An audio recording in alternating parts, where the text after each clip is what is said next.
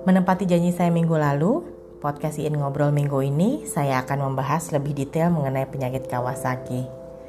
Bahasan hari ini saya rangkum dari berbagai sumber, baik berbagai media online maupun pengalaman-pengalaman yang dibagikan oleh teman-teman.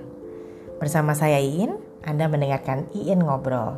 Semoga bermanfaat.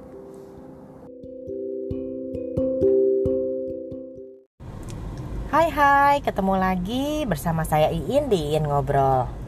Setelah minggu lalu, kita mendengarkan cerita sahabat saya Lince Mengenai penyakit Kawasaki yang sempat diderita oleh anaknya.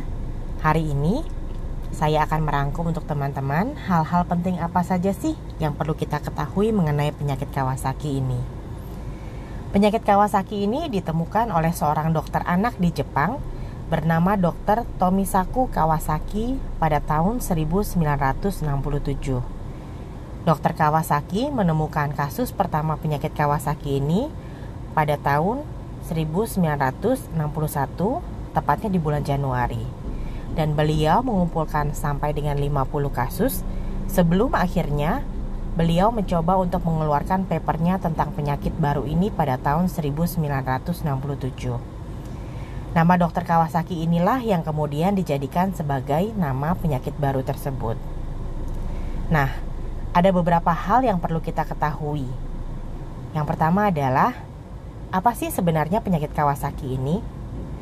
Penyakit ini adalah merupakan penyakit peradangan pada pembuluh darah. Walaupun penyakit Kawasaki ini merupakan penyakit langka, tetapi penyakit Kawasaki ini dapat disembuhkan. Sekali lagi saya tekankan bahwa dengan deteksi dini dan perawatan yang tepat, penyakit Kawasaki ini dapat disembuhkan. Penyebab dari penyakit Kawasaki ini belum ditemukan. Hingga saat ini, ada beberapa tim peneliti yang secara konsisten terus berusaha untuk menemukan penyebab dari penyakit Kawasaki ini. Salah satunya adalah tim dari Dr. Jane C. Burns, MD, Director of the Kawasaki Disease Research Center at UCSD atau Ready Children's Hospital. Kenapa mereka begitu gigih untuk menemukan penyebabnya? Padahal pengobatannya kan sudah ditemukan. Karena dengan menemukan faktor-faktor yang menjadi penyebab penyakit Kawasaki ini, maka kemungkinan ditemukannya metode pengobatan baru yang lebih terjangkau menjadi lebih besar. Sejauh ini, tidak terdapat adanya bukti bahwa penyakit Kawasaki ini menular.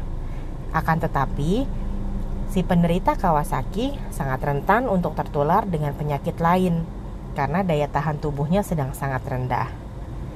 Terlambatnya pengobatan terhadap penyakit Kawasaki ini beresiko menyebabkan kerusakan pada pembuluh darah dan katup jantung, dan di beberapa kasus dapat terjadi gangguan pada pendengaran. Penyakit Kawasaki ini kebanyakan menyerang anak-anak pada usia di bawah 5 tahun. Akan tetapi, tetap terdapat kasus-kasus bahwa penyakit Kawasaki ini menyerang anak-anak di atas usia 5 tahun bahkan hingga usia remaja. Perbandingan antara gender laki-laki dan perempuan yang terkena Kawasaki ini adalah sekitar 1,3 sampai 1,5 berbanding dengan 1. Di mana gender laki-laki lebih banyak terjangkit penyakit Kawasaki ini. Walau persentasenya kecil, hanya sekitar 4,3 persen, akan tetapi ada kemungkinan penyakit Kawasaki ini dapat berulang alias kambuh. Pengobatan terhadap penyakit Kawasaki ini tidak ditanggung loh oleh BPJS. Akan tetapi, penyakit Kawasaki ini termasuk dalam kategori penyakit kritis di beberapa asuransi umum sehingga pengobatannya dapat ditanggung apabila si pasien memiliki asuransi penyakit kritis.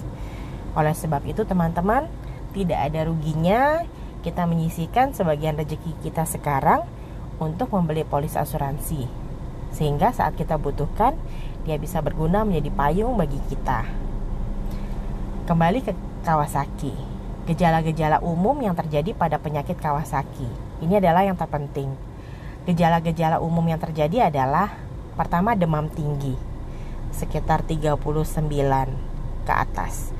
Pembengkakan di kelenjar getah bening Ada beberapa area kelenjar getah bening biasanya di lipatan-lipatan sekitar ketiak atau selangkangan atau di belakang telinga. Ruam di tubuh pada beberapa kasus ada di sekitar selangkangan. Ruam ini terkadang disalahartikan sebagai reaksi alergi. Jadi kita harus hati-hati dan memperhatikan apakah ruam ini benar-benar reaksi alergi atau sebagai gejala dari penyakit Kawasaki ini. Bagian putih mata kita menjadi merah tetapi tanpa disertai gangguan lain seperti kotoran mata yang berlebih atau rasa yang tidak nyaman. Lidah agak bengkak, berwarna merah serta timbul bintil-bintil, dikenal sebagai lidah stroberi. Bibir kering, pecah-pecah, dan kesering berwarna kemerahan. Telapak tangan dan kaki berwarna kemerahan Gejala-gejala lain yang mungkin mengikuti gejala di atas adalah diare, muntah-muntah, sakit perut, tubuh mudah lelah, nyeri dan pembengkakan sendi, kulit di jari tangan dan kaki terkelupas. Di masing-masing kasus, gejala yang timbul mungkin akan berbeda-beda. Akan tetapi, ada beberapa gejala yang dapat dikatakan bisa menjadi indikator dari penyakit Kawasaki ini. Karena gejala-gejala ini timbul hampir di setiap kasus. Gejala-gejala ini adalah demam disertai ruam, mata merah dan lidah stroberi.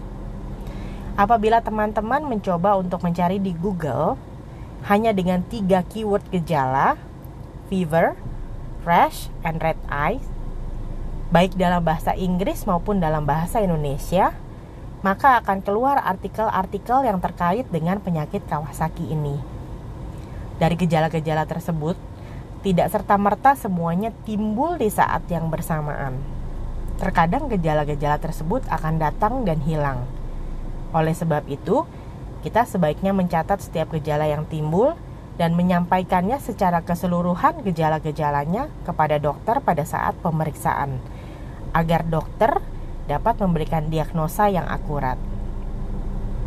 Apabila teman-teman memiliki kecurigaan yang mengarah kepada penyakit Kawasaki ini, sebaiknya disampaikan kepada dokter mengenai kecurigaan Anda tersebut dan pastikan bahwa dokter Anda memiliki pengetahuan dan wawasan yang cukup mengenai penyakit Kawasaki ini. Karena penyakit Kawasaki ini termasuk penyakit langka, jadi tidak semua dokter mengetahui apalagi memiliki wawasan yang cukup terhadap penyakit Kawasaki ini dan juga bagaimana cara penanganannya. Pada beberapa kasus, gejala-gejala tersebut di atas dapat hilang dengan sendirinya dalam kurun waktu sekitar tiga minggu. Akan tetapi, yang dikhawatirkan adalah tanpa disadari telah terjadi kerusakan pada pembuluh darah atau katup jantung dan hal tersebut yang di kemudian hari akan menjadi silent killer. Fase perkembangan penyakit Kawasaki ini terbagi atas. Sekitar hari kelima itu masuk dalam fase awal. Sekitar hari ketujuh sudah masuk dalam fase sedang. Dan sekitar hari ke-10 masuk dalam fase berat. Dan setelah lewat hari ke-10, maka hampir dapat dipastikan bahwa penyakit Kawasaki ini telah menyebabkan melebarnya pembuluh darah jantung, bahkan dapat berakibat pada kerusakan katup jantung. Beberapa pemeriksaan yang bisa dilakukan untuk mendiagnosa penyakit Kawasaki ini adalah selain pemeriksaan terhadap gejala-gejala fisik yang tadi saya sebutkan di atas, ada juga e, pemeriksaan terhadap bekas imunisasi BCG. Nah, biasanya uh, penderita Kawasaki di bekas imunisasi BCG-nya akan terdapat sedikit pembengkakan dan warnanya agak kemerahan. Lalu bisa pem dengan pemeriksaan darah, biasanya setelah hasil pemeriksaan dana, darah akan ter terdapat anemia, peningkatan sel darah putih, peningkatan laju endap darah yang menandakan adanya peradangan pembuluh darah, dan peningkatan trombosit. Bisa juga dengan pemeriksaan urin yang menunjukkan bahwa adanya sel darah putih di dalam urin. Juga yang harus dilakukan adalah EKG dan ekokardiograf atau USG jantung untuk melihat adanya kelainan pada jantung pembuluh darah jantung, dan katup jantung. EKG atau elektrokardiogram merupakan tes diagnostik umum yang digunakan untuk mengevaluasi fungsi jantung. Sedangkan ekokardiogram adalah tindakan pencitraan yang menggunakan gelombang suara untuk menghasilkan sonogram jantung. Gambar yang dihasilkan relatif lebih rinci daripada sinar X biasa, sehingga menjadikannya sebagai alat penting untuk diagnosis berbagai kondisi jantung yang akurat. Dengan alat ini, mendiagnosa kondisi pasien dengan ukuran jantung dan bentuknya berubah atau abnormal akan menjadi lebih mudah. Kerusakan pada jaringan jantung juga dapat terlihat, termasuk lokasi kerusakan dan besarnya. Untuk perawatan, segera setelah terdiagnosa positif Kawasaki, maka penderita Kawasaki akan diopname di dalam kamar yang hanya ada satu bed agar tidak terhi agar si penderita terhindar dari tertularnya penyakit lain. Lalu penderita akan segera diberikan infus IVIG. Terdapat tiga merek infus IVIG. Merek dari pabrikan Cina ada di kisaran harga 3 jutaan per botol. Merek dari pabrikan Eropa ada di kisaran harga 4 jutaan lebih per botol dan merek dari pabrikan Amerika yang harganya ada di kisaran 9 jutaan lebih per botol. Jumlah dosis IVIG akan disesuaikan dengan berat badan pasien. IVIG ini akan dimasukkan melalui infus secara terus-menerus tanpa terputus. Diperlukan waktu sekitar 2 kali 24 jam untuk mengobservasi apakah IVIG yang dipilih dapat diterima dengan baik oleh tubuh. Apakah IVIG itu? IVIG adalah singkatan dari intravenous immune globulin. Adalah produk darah manusia yang terdiri dari antibodi yang digunakan untuk mengobati gangguan defisiensi imun. IVIG ini akan tetap berada di dalam tubuh hingga 12 bulan sampai totally terserap dengan baik oleh tubuh kita. Dalam satu tahun pertama, hindari vaksin campak, MMR, dan cacar. Sedangkan untuk jenis vaksin lainnya dihindari selama 3 bulan pertama. Kenapa? Karena IVIG ini akan mengeliminasi semua benda asing di dalam tubuh kita, khususnya virus yang dilemahkan. Sehingga akan gagal tercipta daya tahan tubuh. Apabila akan memberikan vaksin, sebaiknya dikonsultasikan terlebih dahulu dengan dokter. Selain IVIG, penderita Kawasaki juga akan diberikan Aspilet, yaitu obat pengencer darah. Selama mengkonsumsi Aspilet ini, ada dua hal yang harus kita hindari. Yang pertama adalah menghindari pasien dari terbentur atau jatuh. Karena saat itu pasien sedang mengkonsumsi obat pengencer darah sehingga terbentur atau jatuh dapat beresiko menyebabkan pendarahan. Yang kedua adalah jangan mengkonsumsi obat-obatan lain bersama dengan aspilet tanpa petunjuk dokter karena akan ada efek sampingnya. What do and don'ts? Apa sih yang boleh dan tidak boleh kita lakukan? Yang wajib kita lakukan adalah minum air putih yang banyak, makan buah dan sayuran yang banyak untuk meningkatkan stamina banyak beristirahat, hindari aktivitas yang melelahkan dan terlalu berat, lalu hindari minum soda, kopi, dan teh. Hindari tempat-tempat umum yang mungkin akan menyebabkan si penderita terkena penyakit lain, seperti kolam renang, ruang tertutup dalam jangka waktu lama seperti pesawat, pasar malam, pasar, dan lain-lainnya. Karena pada saat-saat ini kondisi pasien sedang tidak dalam kondisi yang prima sehingga daya tahan tubuhnya sedang lemah yang mengakibatkan dia menjadi mudah untuk terjangkit penyakit lainnya. Pertanyaan selanjutnya adalah, ada nggak sih rekomendasi dokter yang ahli di bidang Kawasaki ini? Jawabannya ada. Namanya Dr. Najib Advani. Dr. Najib ini adalah seorang dokter spesialis anak yang mendalami pengobatan terhadap penyakit Kawasaki. Nah, kita harus ke mana sih kalau kita mau berkonsultasi dengan dokter Najib? Dokter Najib ini praktek di tiga tempat. Yang pertama adalah klinik praktek dokter Najib Gunung Merapi nomor 33 Giri Loka 2 BSD di Serpong. Nomor teleponnya adalah 021 537 0407. Saya ulang sekali lagi 021 537 0407. Yang kedua adalah di RSP Bintaro dan yang ketiga adalah di Rumah Sakit Omni Alam Sutra di Tangerang.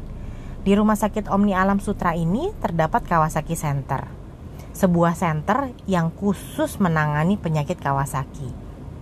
Apabila teman-teman dalam kondisi darurat belum sempat membuat janji dengan dokter Najib, teman-teman tetap bisa langsung datang ke Rumah Sakit Omni Alam Sutra, teman-teman langsung ke UGD dan bilang kepada dokter atau staf di sana bahwa teman-teman mencurigai pasien terkena penyakit Kawasaki. Nanti mereka yang akan membantu teman-teman di sana. Untuk saat ini, penyakit Kawasaki ini sudah memiliki support system, yaitu POPKI. POPKI itu singkatan dari Perkumpulan Orang Tua Penderita Kawasaki Indonesia. Popki ini adalah wadah bagi para orang tua penderita Kawasaki ataupun orang tua yang anak-anaknya sudah sembuh dari Kawasaki untuk saling berbagi informasi, juga berbagi dukungan, baik dukungan dalam bentuk moral maupun dalam bentuk material. Wadah ini diketuai oleh Ibu Asui. Nah, untuk kontak nomornya Bu Asui bisa teman-teman lihat di halaman Facebooknya Popki halaman Facebooknya Popki namanya ini semua dalam bahasa Inggris ya. E, namanya dalam bahasa Inggris kalau halamannya dalam bahasa Indonesia. Kawasaki Disease Support Group Indonesia. Saya ulang lagi nama halaman Facebooknya Popki adalah Kawasaki Disease Support Group Indonesia. Atau bisa juga di akun Instagramnya Nama akun Instagramnya Kawasaki underscore disease Indonesia. Disease sama Indonesia nya sambung. Nah, saya ulang lagi ya. Akun Instagramnya Kawasaki underscore disease Indonesia. Semua materi yang saya bagikan buat teman-teman hari ini itu uh, saya kumpulkan dari berbagai sumber. Nah, sumber-sumber itu ada dari madschool.ucsd.edu ada dari Wikipedia ada dari Allo Dokter ada dari NCBI Web ada dari grup Popki juga ada dari uh, YouTube interview dengan Dr. Jane Newberger Dr. Jane Newberger ini adalah Associate Cardiologist in Chief and Director of the Kawasaki Disease and Cardiology Neurodevelopmental Programs at Boston Children's Hospital. Ada juga YouTube interview dengan Dr. Jane C. Burns MD. Beliau adalah Director of the Kawasaki Disease Research Center at UCSD atau Ready Children's Hospital. Juga saya kumpulkan dari pengalaman teman-teman yang berbagi cerita mereka dengan saya. Sekian dulu ingin ngobrol episode kali ini. Semoga apa yang saya bahas hari ini dapat membawa manfaat buat teman-teman semua dan dapat menjadi berkat buat kita semua. Saya Iin, sampai jumpa di In Ngobrol selanjutnya. Bye.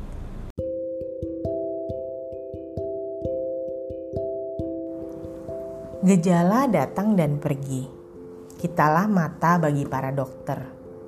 Sebagai pendamping pasien, kita adalah orang yang paling mengetahui kondisi pasien. Sekecil apa pun gejalanya, perubahannya, dan perkembangannya adalah merupakan informasi yang penting yang dapat digunakan oleh dokter untuk mendiagnosa penyakit dengan benar dan akurat. Jadi, jangan pernah ragu untuk menyampaikan sekecil apa pun informasi yang kita ketahui mengenai perkembangan gejala, dan kesehatan pasien. Karena kita tidak pernah tahu betapa hal kecil tersebut akan menyelamatkan nyawa sang pasien. Juga, jangan ragu untuk mencari second opinion, baik dari dokter lain atau bahkan dari dokter Google. Karena selain gelar, pengetahuanlah yang pada akhirnya berguna untuk memberikan diagnosa yang tepat. Saya Iin, sampai ketemu di In Ngobrol selanjutnya.